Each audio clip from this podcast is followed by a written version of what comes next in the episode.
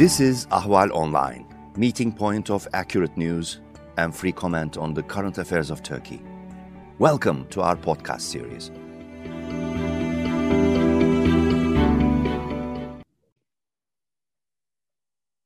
Welcome to a new episode of Turkey Trends uh, with me, Nervana Mahmoud.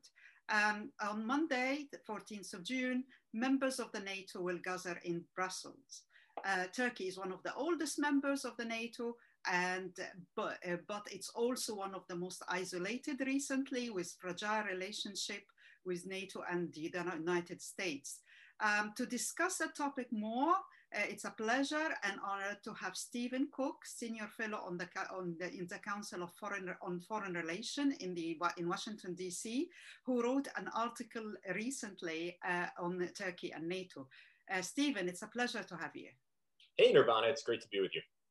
Right. I was uh, uh, struck with the mild to- tune of the uh, headline. You mentioned that Turkey is a headache to NATO. I would say it's more than a headache. At least it will not be solved by paracetamol. so uh, there are several, you know, things of tension between Turkey and NATO. But uh, you mentioned a very interesting uh, two observations. The first one, you said it's an ally on paper, but is not a partner anymore. Mm-hmm. And the second line, you mentioned that uh, the importance of Turkey is its location. How be, I would argue because of that sensitive location and that part of the world, you need a reliable partner, isn't it? I think that that's right, and I think that that's the that's the dilemma that NATO and the United States has when it comes to Turkey is that Turkey really is at the center of some of the most important parts of the world that concern NATO, whether it's the Middle East, it's the Caucasus, it's Russia itself, the Balkans, and Turkey, as I pointed out, is an ally, but it's hardly a partner of NATO because the Turks, and, and I think this was the big analytic payoff of the article, is that Turkey sees itself as a great power in its own right and wants to pursue its interests as it sees fit and does not want NATO to essentially render Turkey as you know an asset or an appendage of NATO and pursuing the goals and interests of the alliance. I think this doesn't sit very well in Ankara these days, given the fact that the Cold War ended 30 years ago and Turkish leaders in their current incarnation. And I suspect in there's a leadership change in Turkey in the coming years. I, I think that they also will see Turkey as, as a great power and will not want to, it, from their perception, and, and really this is their perception, will not want um, to obligate Turkey always to what NATO's concerns are. Okay, uh, I perfectly understand this mindset. But here is a trick. You can, I mean, it seems they always say we have our independent thinking. We are, you know, we have our own policy which serve us in Turkey. But we also keen on NATO. Without NATO is the crown for Turkey. Without the NATO title, Turkey will lose its attraction to the countries they want to have built a relationship with it. Um, and I, again, let me go back now in, in that prospect. Turkey is trying to prove its relative uh, importance to NATO. So before the summit, uh, we had um, uh, the Turkish foreign minister touring Greece, have hug and, and cuddle with the Greece, uh, uh, Greek foreign minister, and also to the French foreign minister and trying, and they both sides clear that they are adamant to clear misunderstanding do you think these cosmetic tactical changes will blur the problems and make Turkey, you know, have a warmer reception in Brussels? Well, I think, I, I mean, it's it's transparent what the Turks are doing. They are clearly, as the, the date of the NATO summit has drawn closer, they have put on a charm offensive. And you know, my my my Turkish contacts uh, made clear that you know the Erdogan and his team want there to make it seem as if there is really no daylight between Turkey and the United States, and that there'll be a kind of very friendly an effort to really convey the idea that Turkey and the United States, in particular, are, remain you know close allies. And of course, this effort to kind of smooth things over with France and, and Greece, I, I don't think it convinces anyone. But again, you go back to the dilemma Turkey is a member of NATO. There's no way to kick Turkey out of NATO. The only way to really kick Turkey, only way Turkey leaves NATO is if it itself invokes Article 13 and decides to withdraw. Although I suspect that there is a, without there actually being a mechanism for kicking Turkey out of NATO, there's certainly a way to isolate Turkey uh, within NATO councils. What it strikes me is the real um, is the real issue at hand now. Is that once the NATO ministerial is over, what does Turkey do? And I think that it goes, we go back to the same problems that we've had before, whether it's the S 400, whether it is differences over the Mediterranean and the Aegean. Turkey will continue to be a headache and will continue to do the kinds of things that have uh, made its alliance partners unhappy. And no matter how nice this ministerial meeting uh, is, uh, the fact of the matter is, is that Turkey presents a geopolitical dilemma for NATO. Um, Erdogan is really of two minds about NATO. He doesn't, as you point out, he doesn't want to withdraw from NATO. Uh, he sees it as important. Although I'm not necessarily convinced that it's Turkey's NATO membership that makes it attractive to, to certain countries. I, I think that's a proposition that has never been tested, but I'm, I'm willing to accept it. But I, I, I haven't seen I haven't seen a lot of evidence of it at the same time that he wants to remain in NATO, he wants to be free to pursue his interests as they see fit, even if they undermine, even if they undermine NATO. And that's the that is the heart of the problem, and that's what I was trying to get at in this piece in in Politico.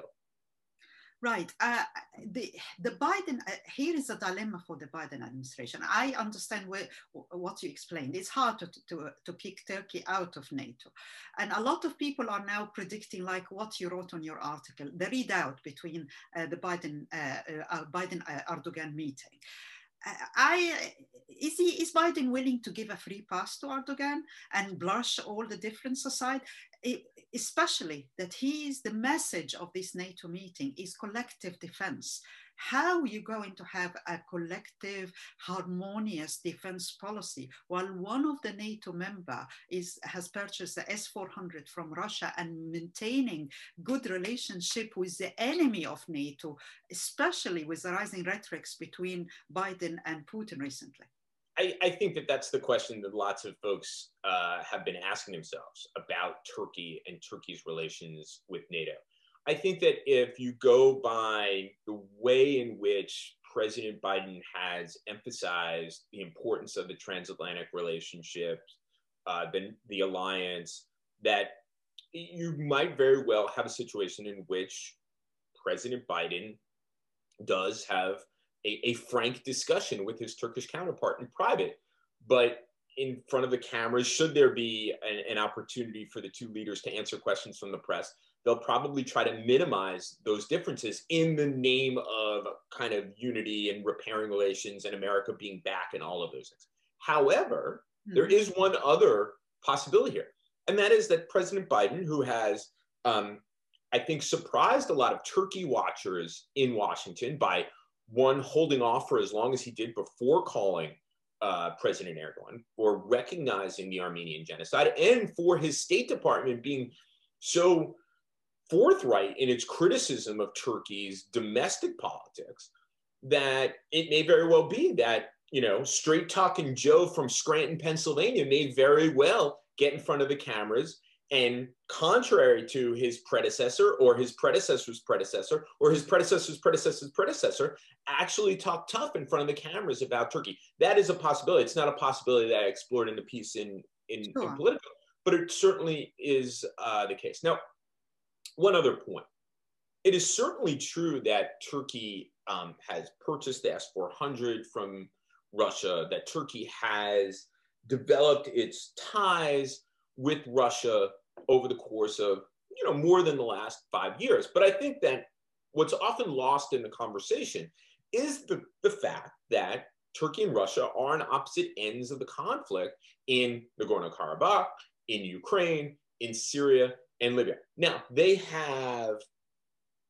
compartmentalize those differences, but those differences are there.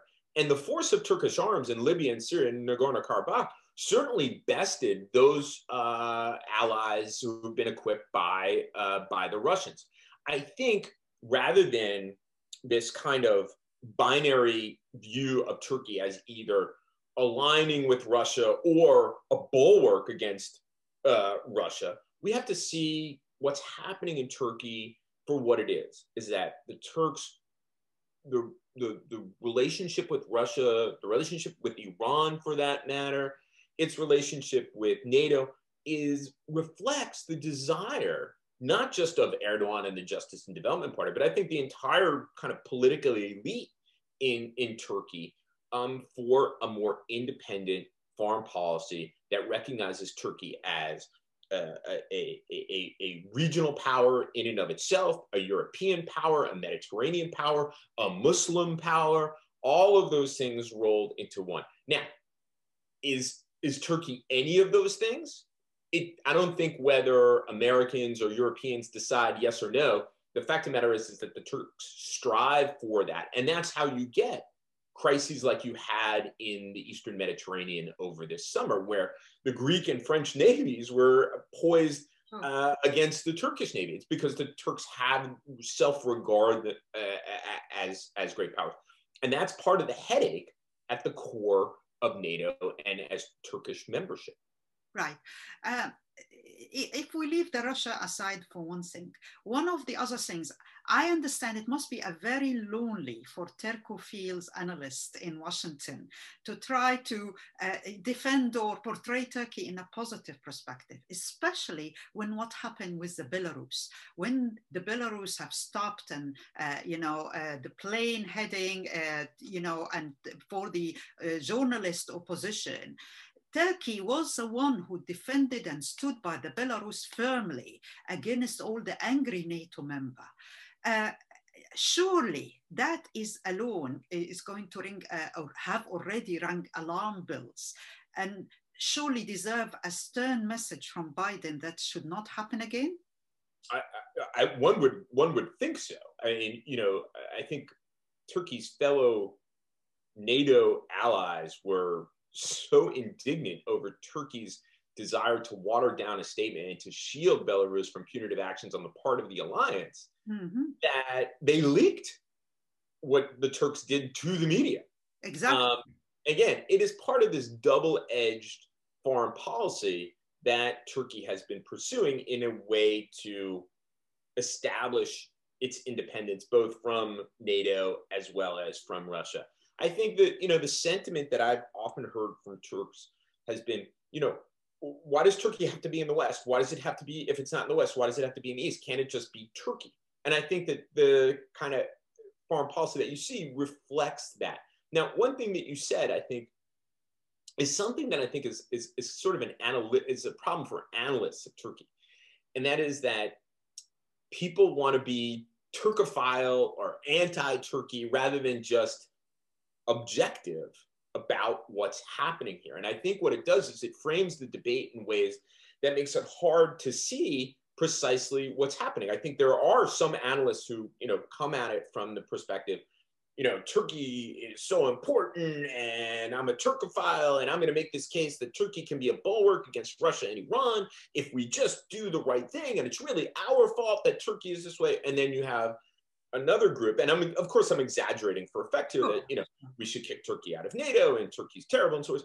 I think a little more nuance to the analysis would be more helpful to understanding what Turkey is doing, and that's certainly what I tried to do in this um, yeah. in this piece on uh, in, in Politico.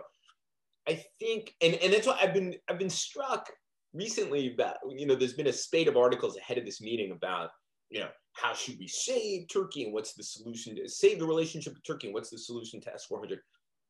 A lot of this seems sort of immaterial to me because S400 is symbolic.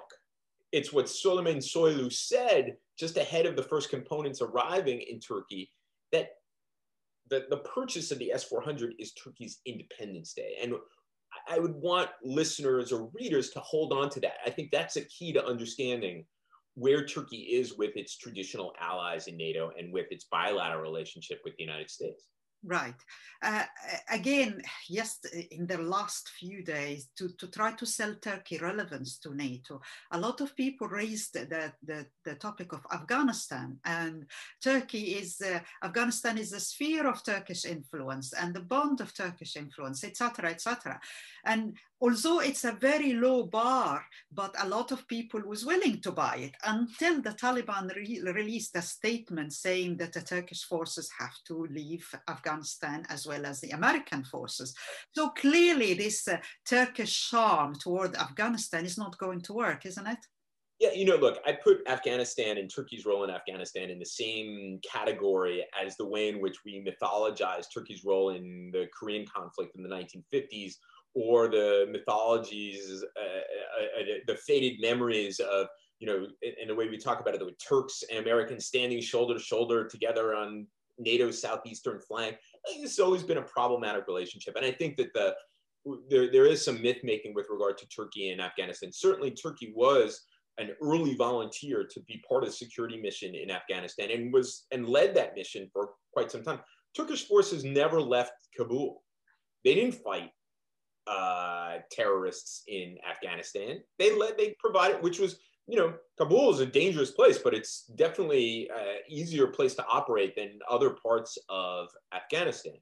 Right. Um, and then the offer to run the airport in uh, in in Kabul was going to require American help, and no doubt American funds. Of course, my timeline, my Twitter timeline was full of Turks saying, "Well, of course." Turkey wants to run the Erdogan wants to run the airport in Kabul because it would help his narco state. I think that these allegations of Turkey being a you know drug running and so on and so forth are maybe a, little overdone, given the, what we know about how um, Turkey has actually cooperated with um, the U.S. Drug Enforcement Agency. Although I'm not saying it doesn't happen. So look again, this is ahead of the NATO summit. The Turks thinking about ways in which they can smooth over their very significant differences with uh, their fellow NATO allies. And this is one, and it's clearly not going to work out. Right. Let's bring now my part of the world, the Middle East and the East Med. And uh, it's clearly Greece have worked smartly and quietly to raise its sphere of influence in the, that part of the world again with an eye to prove to the United States that it is far more reliable ally than Turkey, at least, uh, you know, even if we leave the dispute between the two countries on one side. Uh, Greece have reached to Libya, uh, the, the gas forum, uh, Egypt, Israel, um, even Kurdistan uh, today. So uh, how would the Biden administration eventually start to rely on Greece more than Turkey? Well, uh, let me just say that it, it, it, Greek diplomacy is, I think, has been quite shrewd after years of kind of dormancy. I, you know, I would talk to Greek diplomats in, in Washington, and they seem to be kind of always two steps be- behind, and suddenly now they're kind of two steps ahead. Now, the fact that Turkey is such a troublesome NATO ally and troublesome on the bilateral relationship with the United States certainly helps Greece. But I also think that the Greek uh, the Greek posture has changed to some extent. Rather than coming through the door of American officials and complaining about Turkey and complaining about the Aegean, um, they said, "How can we be helpful to you?" Right. And you know, one of the places that they have been helpful is kind of opening the doors to Souda Bay on Crete. The United States has always been there, but you know, kind of expanding, helping to expand American operations uh, there has been uh, has been very, very helpful. And look, you have to give credit where credit is due.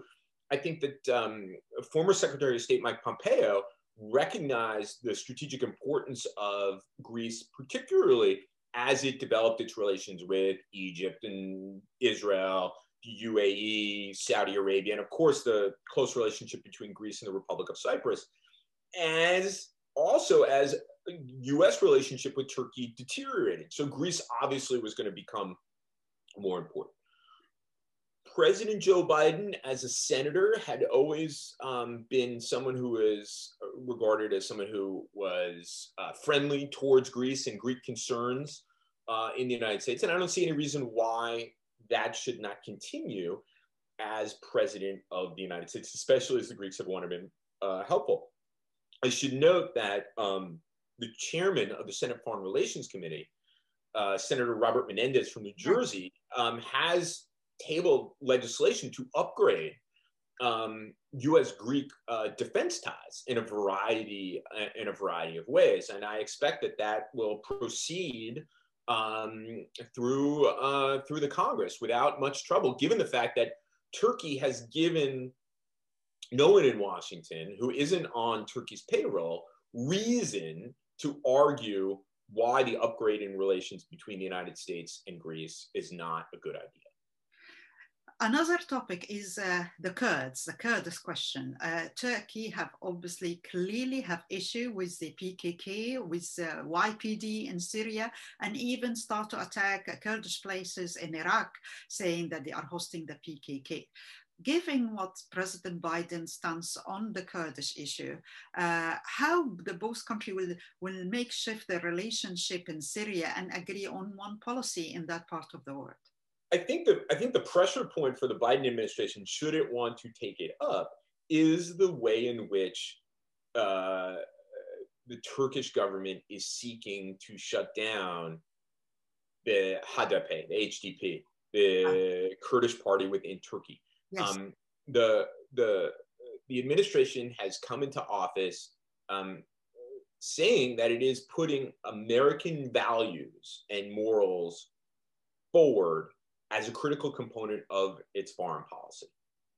If that is truly the case, then President Biden, in his encounter with President Erdogan, is going to have to raise the issue of the fate of the HDP, the fact that its entire leadership has been decapitated and sits in jail, um, that not only the HDP, but also journalists, academics, uh, anybody who is considered to be an opponent of Turkey has been branded with this uh, with this charge of being supporters of terrorism. That is a place where the Biden administration can start. Whether that's going to have the desired effect or not, it seems to me um, that is a much more straightforward issue for the Biden administration than, for example, the fight that the United States has been having with Turkey over its coordination and support for the YPG in Syria. Um, the Turks are adamant that the YPG is part of the PKK. The United States says, well, you know, they're different. And after all, they helped us and are continuing to help us against the Islamic State. PKK is a designated terrorist organization by the United States. Uh, what's happening in Iraq with the Turkish bombing of the Mahmur refugee camp, where they believe the PKK has infrastructure, is more complicated than, for example, um, going directly uh, using the issue of American values uh, to talk tough with the Turks about what they're doing internally to uh, this uh, to the HDP, which is, you know, it's described continually as a Kurdish-based party, but it, it actually has a broader appeal, which is one of the reasons why Erdogan wants to shut it down, because it the more it, the more votes it attracts, it takes away from the functional uh, majority that the AKP has with its partners in the MHP in the parliament. Right. I'm glad that you mentioned the HDP because that's not the only issue in the human rights um, uh, file, but there are also the pers uh, unjust persecution of workers in the embassy, American embassy, but also the case of Osman Kavala and Henri uh, Barkey. And uh, both are accused of being part of plotting the coup in 2016, which bring the question whether uh, Erdogan will A, uh, talk about the coup, B, uh, mention Gulen and the extradition of Gulen, and see whether Biden will mention Kavala and Henri Barkey. Right.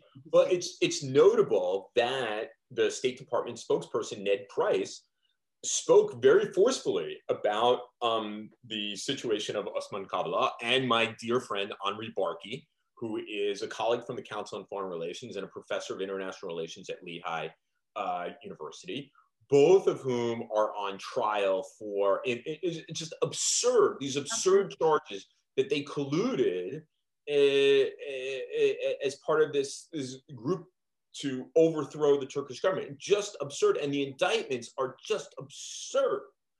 So it is notable that the State Department has, under Biden, actually used the names Osman Kavala and Henri Barkey in criticizing uh, their prosecution, unlike the previous administration, or uh, quite frankly, the Obama administration, which preferred to deal with these things quietly uh, and behind the scenes. I would hope that, um, given my my friendship with Henri Barkey, that the president of the United States would uh, would take up the the issue with uh, with President Erdogan. We don't know what the agenda is going to be. I would imagine, though, that human rights is part of uh, President Biden's agenda, given one Turkey's record, which is bad.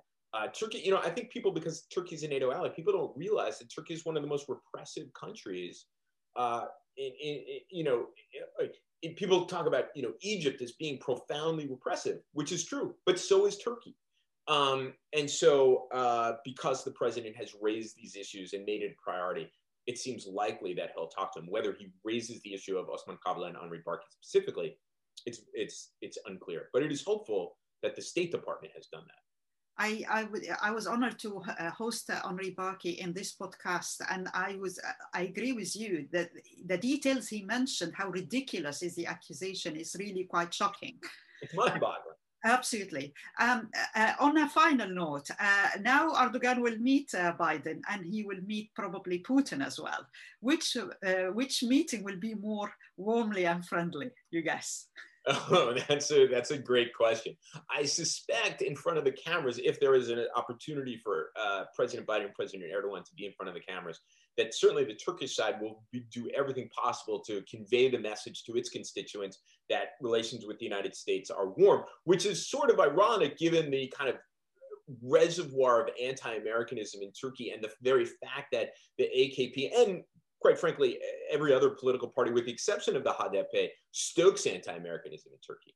Um, I think that um, there is a and but there is a lot on the U.S.-Turkey agenda that divides the two countries. But I think when it comes to President Biden and his encounter with President Putin, this is obviously the much more consequential meeting given um, Russia's direct attacks on the American political system.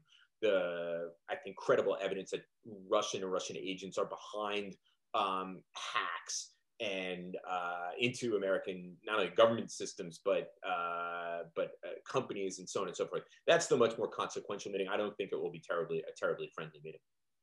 Uh, Stephen, uh, always a pleasure. I really enjoyed that podcast. Thank you for having me. And we'll watch on Monday, and we'll see how this will evolve. Right. I mean, I'm I'm willing to be surprised. Uh, you know, it will be it will be certainly interesting to see what happens if they do in fact end up in front of the cameras. Biden, as I said, uh, can surprise people. He's not done things exactly as people exactly. Thank you, Stephen, and thank you everyone for uh, following another episode of Turkey Trends. Bye.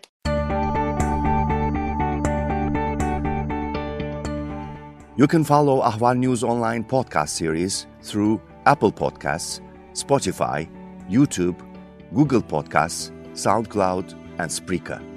All you need to know about Turkey is here for your ears, mind, and attention. Thank you for listening to our podcast.